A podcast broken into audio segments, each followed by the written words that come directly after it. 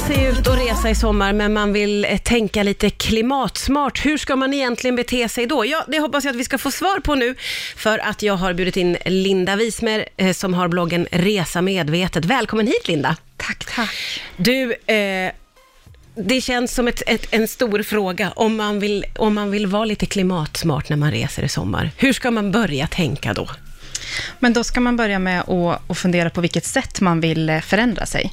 Alltså det finns ju jätte, jättemånga sätt att vara mer miljövänlig och klimatsmart. Och just nu är det ju ett väldigt stort fokus på flyget. Ja. Och det beror ju på att flyget har en jätte, jättestor del. Men det har ju också blivit nästan gått så långt att det är det enda sättet. Och gör man inte det så jag brukar säga så här, om man åker tåg till Amsterdam och köper sex, hur hållbar är man då? Eh, Det Ja, gäller att tänka steget tänka längre. Men, och jag tror kanske att många av oss inte gör det. Vi är medvetna om att flyga, det ska man vara väldigt restriktiv med. Mm. Eh, det vet vi. Eh, m- men utöver det så kanske vi inte har så mycket verktyg. Nej, och det är för att vi, då måste vi prata mycket mer om det. Alltså man kan välja vilken mat man äter, man kan välja hyrbil som är el istället för bensin, man kan välja vilken destination man åker till. Alla kanske inte måste åka till samma ställe, så det blir så högt miljötryck på den destinationen, så det finns ju en rad. Så älskar man att resa och känner att jag vill inte ge upp flyget, så finns det andra val man kan göra. Och det, det är liksom hela min filosofi, att man ska genom kunskap välja aktiva val utifrån hur man själv vill vara medveten. Hur har du eh, kommit fram till det här? Alltså vad var det som öppnade ögonen på dig? Men jag har nog ett ganska stort liksom, samhällsengagemang, eller vill bry mig väldigt mycket om människor och djur och natur och sådär. Och sen har det varit en resa för mig. Jag har inte, jag har inte slutat flyga och det har varit stegvis. Alltså, något år så sa jag så här, nej men då ska jag bara resa med direktflyg. Det är ett sätt att minska, för att varje upp och nedlandning är ju den stora boven. Eh, förra året så valde jag att åka till en helg i Sörmlands idyll istället för Schweiz. Ja, okej. Så jag har liksom tagit det här, så har jag gjort med min matkonsumtion. Åt ganska mycket kött för några år sedan och nu har jag liksom minskat det, men jag är inte beredd att bli vegetarian. Men jag vill minska. Så Ja. för mig har det varit stegvis och man måste nog välja den metod. Vill man köra chockmetoden eller stegmetoden eller någon annan? Och Ja. Måste man känna själv. Men det där tycker jag är jätteintressant, för jag tror att många av oss får en känsla av att det är antingen eller, Mm. att man måste välja bort flyg för alltid. Vad ska mina barn aldrig få flyga? Det, det blir så himla extremt, men Mm. du menar att det kanske inte behöver vara så då? Nej, men just nu så är det, som, som det ser ut just nu så måste vi minska på flyget. Det är inget snack om saken. Sen är jag helt övertygad om att svaret inte är att sluta flyga, för det kommer finnas teknik som löser det här på några år. Det finns också jättemånga flygresor som man skulle kunna ta med tåget eller på andra sätt. Eh, Men jag tror inte att människor motiveras av att eh, förbuds eh, känslan och att man inte får alls. Men jag tror att man kan motiveras av att tänka så här, nej men jag, jag avstår den här, men då ger jag mig det här, jag gör en liten insats. Och så måste man också tänka att livet är liksom större än bara resorna. Och nu, ja, jag, jag är lite provocerad över att flygfrågan har fått så extremt stort fokus, när personer kan till exempel placera sina pengar i fonder de inte har någon aning om, som går till oljebolag. Ja, ja, ja, just det. Eh, Och det är ja. ingen som kritiserar, det är ingen som pratar om, det är ingen som hetsar. Det gäller att ta- Så nu är vara det med liksom och flyg, flygskam på och tågskryt.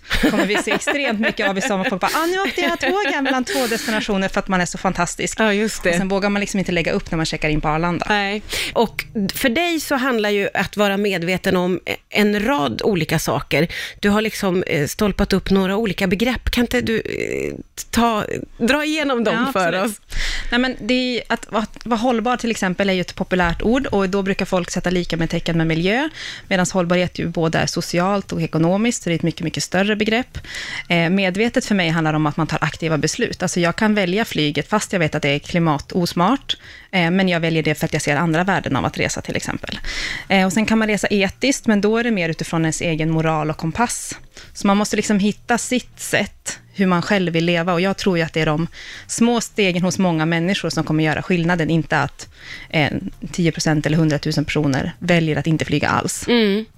Eh, Så om man nu är någon som står i startgroparna och ska planera sin sommarsemester och man vill gärna ta sig utomlands, kanske till någon varm eh, strand eller sådär. Vad har du för tips och råd? Ja, men om det är ett ställe som, man, som ändå kräver flyg, eh, då, då ska man välja, försöka välja direktflyg, för det är billigare eller bättre för miljön än att det är upp och nedlandning. Och sen ska man tänka på vad man äter. På vilket sätt då? Ja, men att veg, vegetarisk mat har ju mindre klimatpåverkan än, än köttmat till exempel. Och vill man då äta kött kanske man äter kött två kvällar och vägg tre kvällar. Eh, vilken typ av bil man väljer. Eh, elbil är ju såklart bättre än diesel och bensin.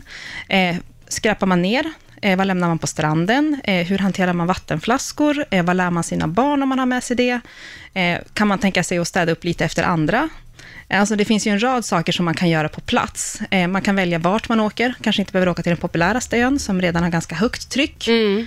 Ehm, Så det finns många, många sätt som vi också behöver börja prata om, som inte är bara flyget. Ja, just det. Har det blivit liksom, är det för mycket fokus, eller är det ett bara fokus på Ja, flyget? jag skulle, precis, flyget har inte fått för lite fokus, för det är den största klimatboven. Det finns liksom ingen, ingen annan sak som enskilda individer kan göra större skillnad med. Eh, men det, om det är det enda sättet att räknas, då missar man ju alla andra sätt. Och de personerna måste också motiveras. Och det är det jag vill lyfta upp, att det finns fler sätt. Framförallt tycker jag att den sociala hållbarheten, alltså hur beter man sig mot lokalbefolkningen, vad har de för arbetsvillkor, eh, möten mellan kulturer, alltså det finns så många värden av att resa som jag verkligen värnar. Ja, men för du menar ju att mötena ändå på något sätt står över allting, eller hur? Du tycker att det är viktigt med mänskliga möten.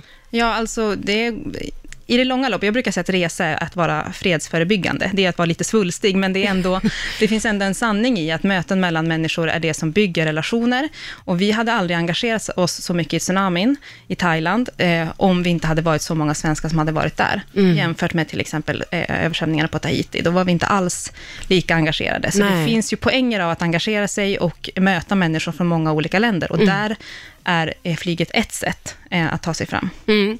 Under låten här så pratade vi vidare och eh, kom in på detta med att eh, vi på något sätt ändå är, vi är som mest medvetna när vi är hemma vid. Eh, eller hur Linda? Och att det där, ju, ju längre från hemmet vi kommer, desto mer tappar vi våra liksom ändå grundläggande kunskaper om hur vi ska ta hand om oss och vår natur. Ja, men ja, precis. Jag tror att man, man bryr sig. Hemma har man sina rutiner och kanske man har byggt upp eh, livet, men sen kring semestern så går ju det för väldigt många ut på att släppa kontroll, ansvar och bara slappna av. Ja. Och i det så tappar man, jag brukar säga så här, en del tappar sin moraliska kompass. Att till exempel köpa sex är det ju många fler som kan göra utomlands än hemma i Sverige. Eh, skräpa ner, eh, ja, hur man konsumerar alkohol. Eh, man vill liksom inte bry sig. Eh, och då tror jag att det egentligen handlar om att det känns jobbigt för att man inte vet. Eh, det som bara går på rutin, det är lättare. Så om man blir mer, eh, mer kunskap och mer medveten, så känns det inte så jobbigt att vara liksom medveten om hur man tänker. Nej. Alltså jag känner ingen belastning när jag reser över att jag tänker på vad jag för mat. Det där går av bara farten. Ja, just det. Men det handlar ju också om eh, att bli medveten då om vad som krävs av en. Eh, och där är det ju någon slags folkbildning som måste till. Alltså, för alla vet ju inte allting om hur man ska bete sig för att det ska vara som bäst för jordklotet, så att Nej. säga. Hur ska vi liksom komma till rätta med det? Nej, men vi måste ju eh, vi måste prata med varandra. Alltså det som flyget har lyckats med är ju en mobilisering och en kunskapsspridning som vi behöver göra inom andra områden. Alltså hur mår delfiner och elefanter? Eh, hur mår lokalbefolkningen? Vad har det för... Jag tror att alltså människor, jag är helt övertygad om att människor vill göra gott. Det är folks grundläggande inställning och när de inte gör det, eh, då är det för att de inte vet bättre eller för att de inte har sett effekterna. Eh, och då behöver vi bli mycket bättre att förklara det. Vad är det som innebär det här? Eh, och då tror jag att människor kommer göra mycket mer eh, aktiva val som är goda. Eh, och till de goda människor som finns där ute som vill göra sig en god resa i sommar, vad vill du skicka med dem då, förutom det här med att vara lite försiktig med flyget? Nej, men ta, du måste lyssna till dig själv och du måste tänka att små steg är också steg eh, och det lilla är gott nog och att eh, snarare inspirera och peppa än att blamea, för det tror jag inte ger någon eh, långsiktig effekt. Perfekt slutord. Tusen tack för att du kom till Rix FM idag, Linda Wismer. Tack, tack.